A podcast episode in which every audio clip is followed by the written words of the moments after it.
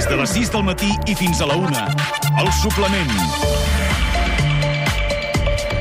Són temps convulsos a la política catalana i espanyola i ens falta trobar moments de calma per parar i entendre, moments per pensar.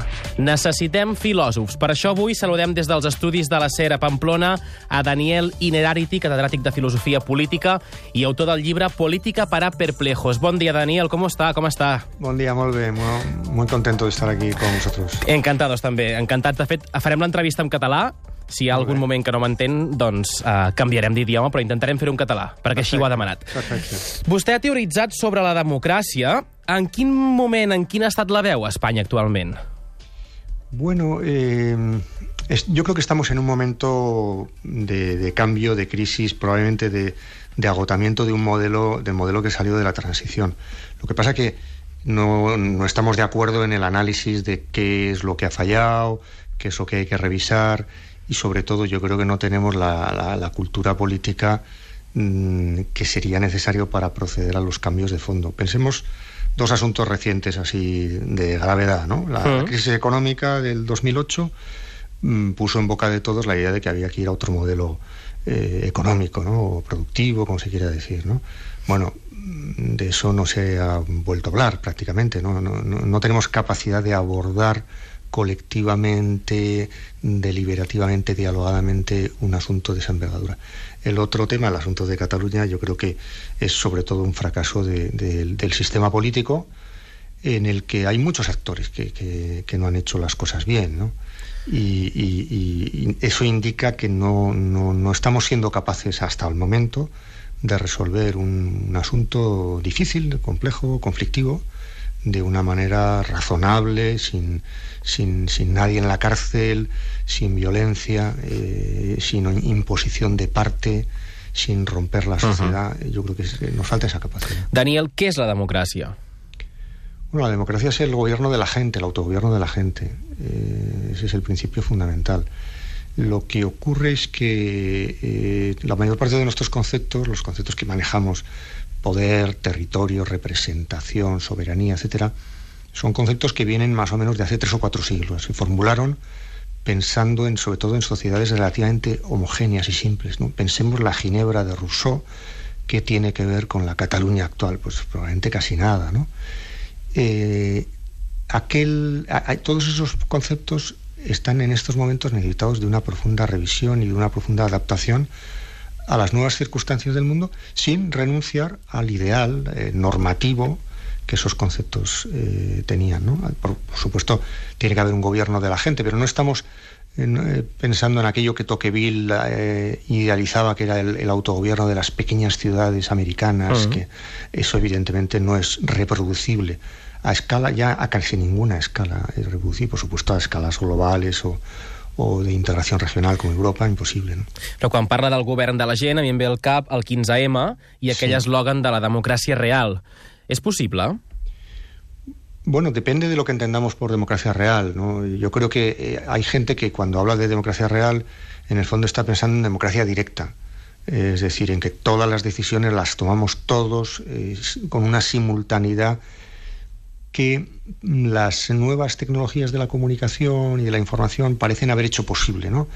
Y, hay gente que está pensando en, en lo que algunos llaman el clictivismo, ¿no? Es decir, la, la idea de que se podría eh, reconducir la democracia a una democracia digital en la cual todos estuviéramos tomando continuamente mil decisiones y la agregación de todo eso sería eh, la democracia real. Això vol dir eliminar els polítics. Bueno, y eso quiere decir, a mí lo de eliminar a los políticos no me parece tan grave, lo que me parece sobre todo grave sería, y en este análisis que he hecho así un poco Mm. someramente, es eh, eliminar el momento de deliberación y de diálogo y de, y de negociación que tiene la democracia. ¿no? La democracia no es mera agregación, mera suma de microdecisiones de sujetos aislados, sino que es la puesta en común, la comunicación, la discusión, a veces en conflicto, eh, muchas veces en conflicto, y mm, con la esperanza de que de ahí salga algo mejor que la mera suma de las opiniones y de los intereses de cada uno. I això s'està perdent? Bueno, eso más que, más que perdiendo en el sentido de que esto fue, como si eso dando a entender que esto fue en algún momento real y posible, yo creo que esto es una aspiración que hemos tenido siempre. Pero eh, nuestros sistemas democráticos, no, no hablo solo de España, sino en general, nuestros sistemas democráticos eh, han convivido con hegemonías, relaciones de poder, subordinaciones. Sé, pensemos todo el asunto, por ejemplo, de la dominación de la mujer. ¿no? Eh, este ideal, ahora acabo de citar a Rousseau, Rousseau es, es eh, lo demócrata que era, cómo habla en el contrato social del autogobierno de la gente y al mismo tiempo el trato despectivo que tiene hacia la mujer. Y la mujer está en, su, en casa haciendo posible ese ideal de ciudadano, es decir, de varón que es autosuficiente y tiene tiempo y capacidad para dedicarse a la vida pública. Ese modelo eh, venimos de ahí y ese modelo lo estamos intentando quebrar de alguna manera. Por tanto, idealizar como si esto en algún momento hubiera sido real, cuando la mitad de la humanidad estaba subordinada, me parece que eso seria un, un profundo error. Jo crec que en algunes coses vamos avançando notablement en este tema, des de luego. O sigui que si ens mirem els últims 40 anys, podríem dir de democràcia, o almenys així l'han anomenat eh, des del que hem viscut a, a l'estat espanyol, des de l'any 78, sí que veiem que han canviat coses i també veiem com han anat canviant els polítics. Si mirem qui era eh, Felipe González o Suárez, segurament són molt poc comparables amb el Pedro Sánchez actual, que mm. potser això és el que li volia demanar, potser estan més preocupats, digue-li Pedro Sánchez, digue-li sí. Pablo Iglesias, digue-li sí. Soraya Sáenz Santa Maria, estan més preocupats per la imatge, pel màrqueting, pel tuit, que per aquesta democràcia que em parlava del diàleg, del debat i de la negociació. Sí, yo creo que hay fundamentalmente dos, dos, dos grandes factores que han cambiado todo. ¿no? El, el, el primero es que el tipo de liderazgo que se ha ejercido, por poner el ejemplo de España, ¿no?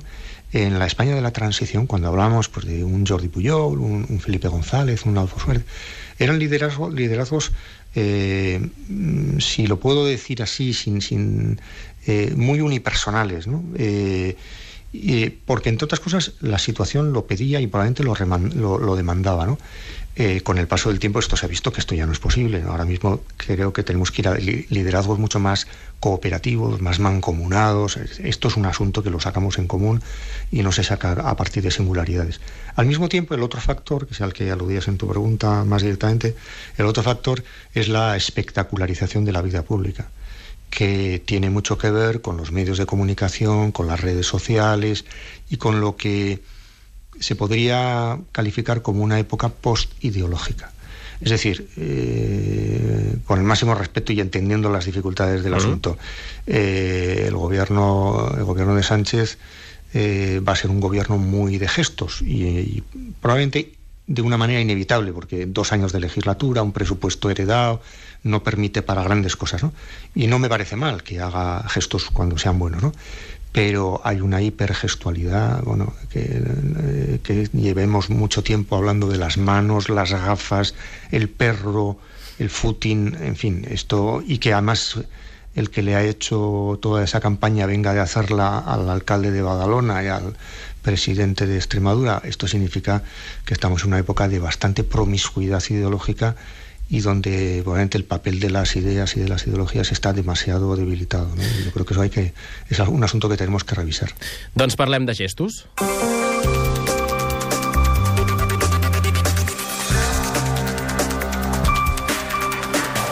Acostar els presos als líders independentistes empresonats a Catalunya creu que ha sigut un bon gest? O no ha sigut un gest? yo creo que ha sido un gesto. Bueno, yo no digo que los gestos eh, sean innecesarios en política.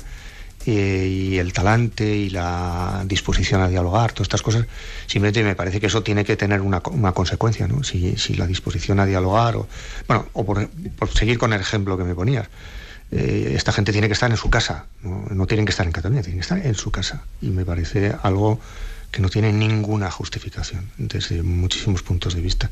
Pero evidentemente es mejor que estén en Cataluña, en una prisión en Cataluña, que que estén en, en Madrid, no? De fet, Pedro Sánchez i Quim Torra es reuneixen per primer cop aquest dilluns. Mm. Uh, Sánchez diu que està disposat a parlar de tot, també del dret a decidir dels catalans. Creu que el PSOE acceptaria un referèndum legal a Catalunya? No lo sé. Yo creo que eh, yo soy partidario de tomarnos el derecho a decidir en serio y no pensar el derecho a decidir mm, simplemente referido a un acto único que fuera un referéndum. Eh, sino como, una, como un proceso, como algo más complejo donde intervienen muchas cosas.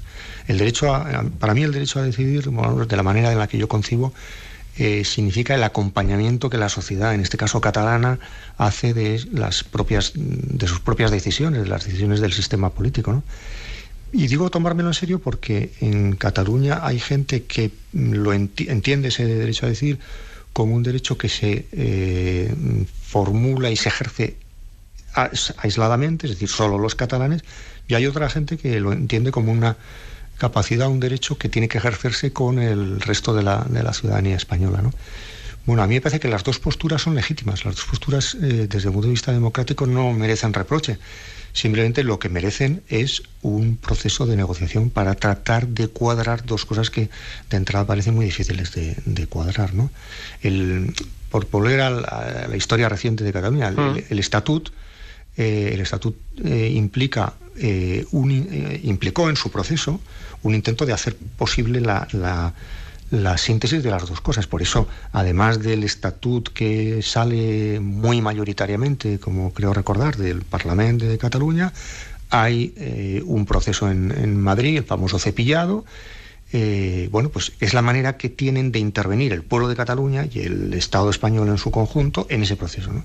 lo que yo creo que desbarata todo es la intervención del Tribunal Constitucional. Pero la idea de que eh, sobre, como dice el, eh, como dijo el, eh, la, la, Corte Suprema en, en, en, Quebec, o como de hecho implica, implicó la negociación entre, entre Salmon y, Cameron para, para el referendo de Escocia, significa que hay que ponerse a dialogar y hay que buscar un punto intermedio que no sea simplemente dar la razón a un tipo de soberanistas o otro tipo de soberanistas. Esa es la, la tarea en la que tenemos delante. ¿no? De fet, vostè és nacionalista. Mm. ¿Es independentista? Depende de cómo España me permita ser lo que yo quiero ser. Si, si hablamos de una España plurinacional, poliárquica, eh, respetuosa con los procedimientos democráticos y teniendo en cuenta además que yo soy yo soy un nacionalista vasco de Navarra y por tanto pertenezco a una minoría, aunque ahora estemos liderando las instituciones, pero somos un 30% más o menos. Eh, evidentemente con estos números yo no tengo un plan y, no sometería a la, sociedad a un tensionamiento de este estilo, aunque solo fuera por una cuestión interesada, y es porque yo perdería. ¿no? Y por tanto, esa, sería mi, respuesta. Ahora mi horizonte de identificación nacional es, eh, el País Vasco, en el cual considero, del cual considero una parte sustancial eh, Navarra y solo, pero solo en la medida en que los navarros quieran pertenecer a o quieran formar parte de esa, de esa nación. Si no lo quieren, yo eh, seguiré siendo una minoría, lo he sido toda mi vida y creo que desde el punto de vista democrático no he hecho nada que se me pueda reprochar. En el cas català, per això els números són diferents. Podríem sí. parlar aproximadament d'un 50-50, tot i que no, no ha estat ah. clar i mai s'ha pogut acabar de comptar eh, detalladament. En el cas català, vostè creu que sí que cal fer aquest referèndum, però s'hauria de fer a tot Espanya? O, o com, com, com creu que de solucionar aquesta crisi, aquest conflicte? Bueno, primero de todo, yo creo que mm, el proceso nos ha enseñado a todos, a unos y a otros, que el otro es irreductible. si, si alguien pensó que esto era un soufflé, o si alguien pen, pensó eh, que, que habría, finalmente se impondría una mayoría por la fuerza de los hechos y la torpeza del Estado, pues yo creo que a estas alturas ya, yo creo que eso se está revisando. Y más bien lo que tenemos es, es un empate, ¿no? Y yo creo que un empate de, esta de, este estilo, eh, la manera más pacífica, integradora, democrática de resolverlos por medio de un pacto y de una, y de una negociación. Mm, me parece que esto acabará, evidentemente esto acabará en una sanción popular, o al final habrá un referéndum, claro que sí. El asunto es cómo prepara la clase política eh, catalana y española, cómo preparan ese, ese, esa votación, porque esa votación puede ser un referéndum para irse de España o quedarse, pero puede ser también un referéndum para ir a otro modelo de relación diferente en el que puede haber avances sustanciales, evidentemente que no satisfagan a, los independentistas, que tampoco les hagan mucha gracia a, los españolistas, pero que impliquen un punto intermedio. Una reforma de la Constitució. Mm, seguramente no se podrá hacer eso sin una reforma de la Constitución, pero eh, a veces cuando habla la gente de reforma de la Constitución, a mí me parece entender detrás de eso la idea según la cual esto es un problema que se tiene que resolver volviendo a otro formato de Estado. Cuando yo creo que lo que tenemos es un problema específico de Cataluña.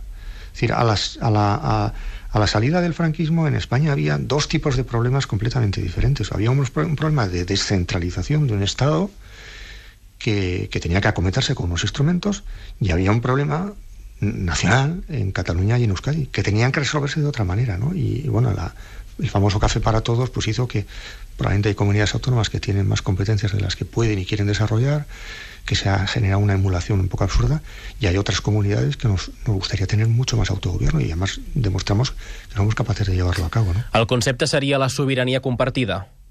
Yo creo que sí, yo he escrito mucho sobre eso, he hablado mucho de esa idea que creo que además tiene mucho recorrido en el, en el mundo, tiene mucho recorrido en Europa y, y, que responde más a la realidad que a una idea de soberanía exclusiva. ¿no? Yo creo que eh, lo, las lecciones que estamos aprendiendo del Brexit o la amenaza que supone para, para el proyecto europeo la renacionalización, por ejemplo, de la política migratoria, que es una que es, aparte de una vergüenza, es un, es un error teórico. Todo esto yo creo que nos está enseñando que el mundo que viene la Europa que viene es una Europa y es un mundo de soberanías compartidas con procesos de negociación fuerte detrás sosteniéndolos. Y si no somos capaces de hacer eso, eh, vamos a un mundo fragmentado y a un mundo que no será capaz de acometer los problemas que, te, que tiene por delante. Say a prayer for the cowboy. His mares run away. And he'll walk till he finds her, his darling, his stray. Aquesta cançó que sentim de fons, que estem sentint de Leonard Cohen, és una cançó que, a la que sovint vostè fa referència. Una cançó que parla de la dreta i de l'esquerra com una referència en l'espai i en el temps.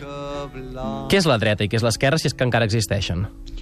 La podíamos haber oído incluso en catalán, porque hay varias versiones en catalán de esta canción. Yo tengo alguna en, en mi casa. Bueno, la derecha y la izquierda es una distinción tradicional con la que nos hemos orientado en el, en el mundo. En esa canción eh, Cohen dice que qué tiempos eran aquellos en los que no había espacio sin izquierda y derecha. Hoy tenemos espacio, es decir, una, un magma indiferenciado.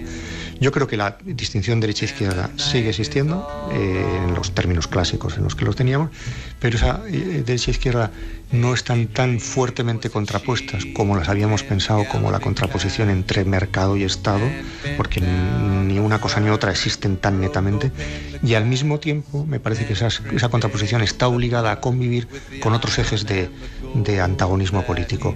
Yo creo que en estos momentos el eje que se está imponiendo frente a, al que durante unos años parecía que era eh, imperante, que era el de lo viejo y lo nuevo, ahora que vemos que lo viejo vuelve, lo nuevo se, se torna antiguo, mm. jo crec que el nuevo eje es el, el eje de lo abierto y lo cerrado. També aquí parla dels de dalt i els de baix. También es otro eje que, que lógicamente está funcionando, ¿no?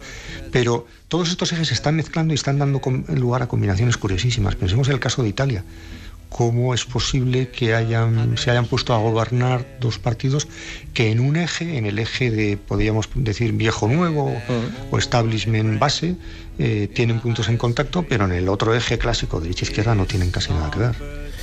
L'1 d'octubre, els indignats, els moviments socials, són paraules, són conceptes que hem anat sentint aquests últims anys. Podríem dir que han superat en part els moviments, els partits polítics?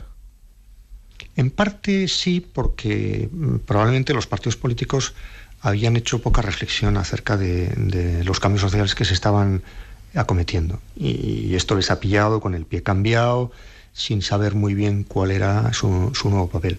Pero yo creo que también hemos visto un cierto agotamiento de la pretensión de que los movimientos sociales sustituyan a los partidos políticos porque los movimientos sociales sirven para lo que sirven, que es magnífico, fundamentalmente meter cosas en la agenda eh, pública. Eh.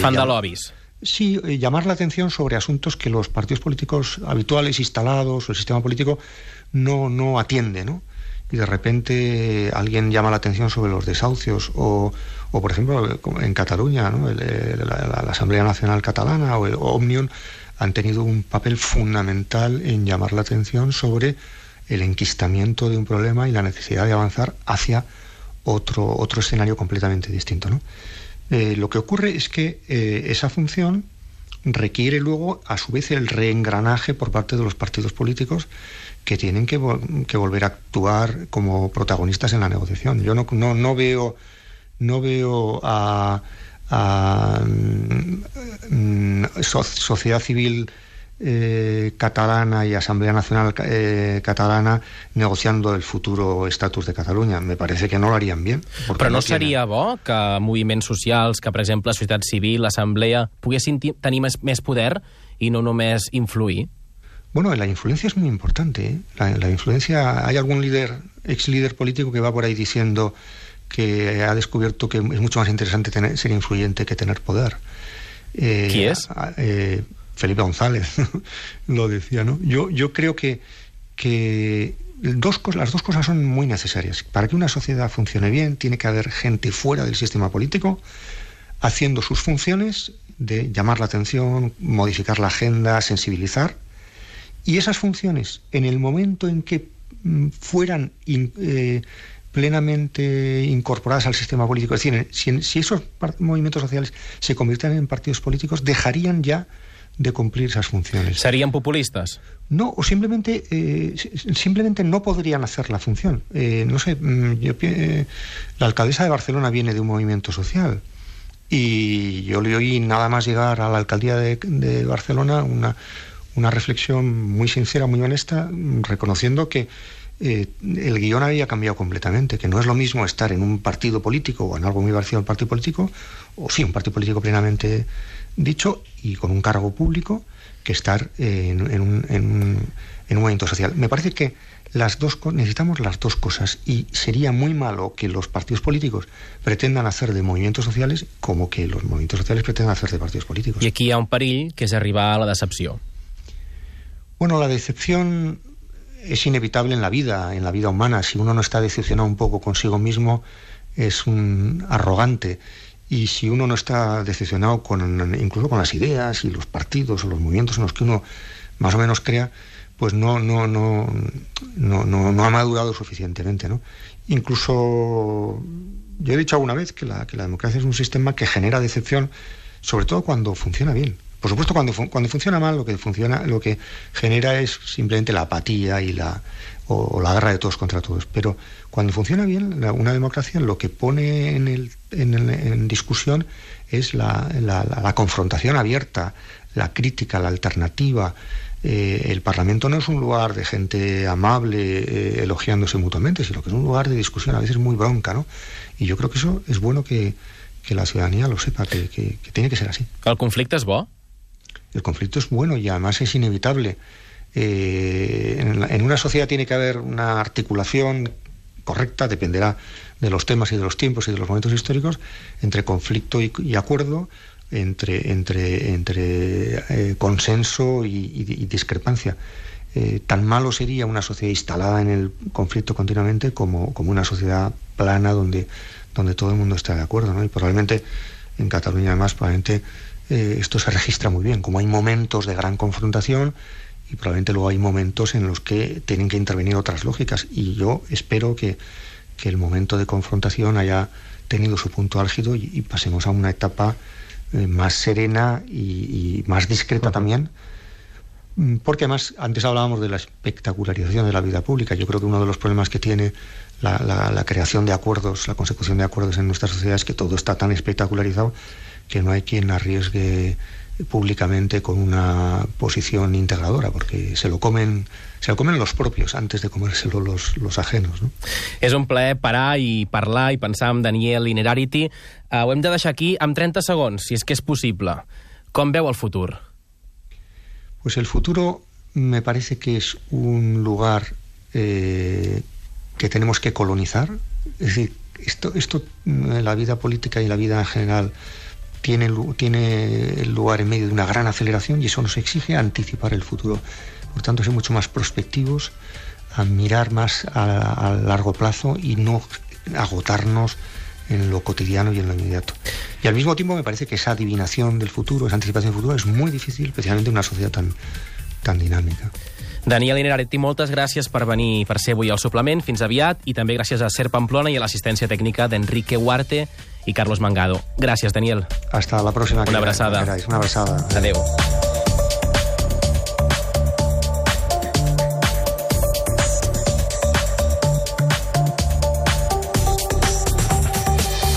De 6 a 1, el suplement.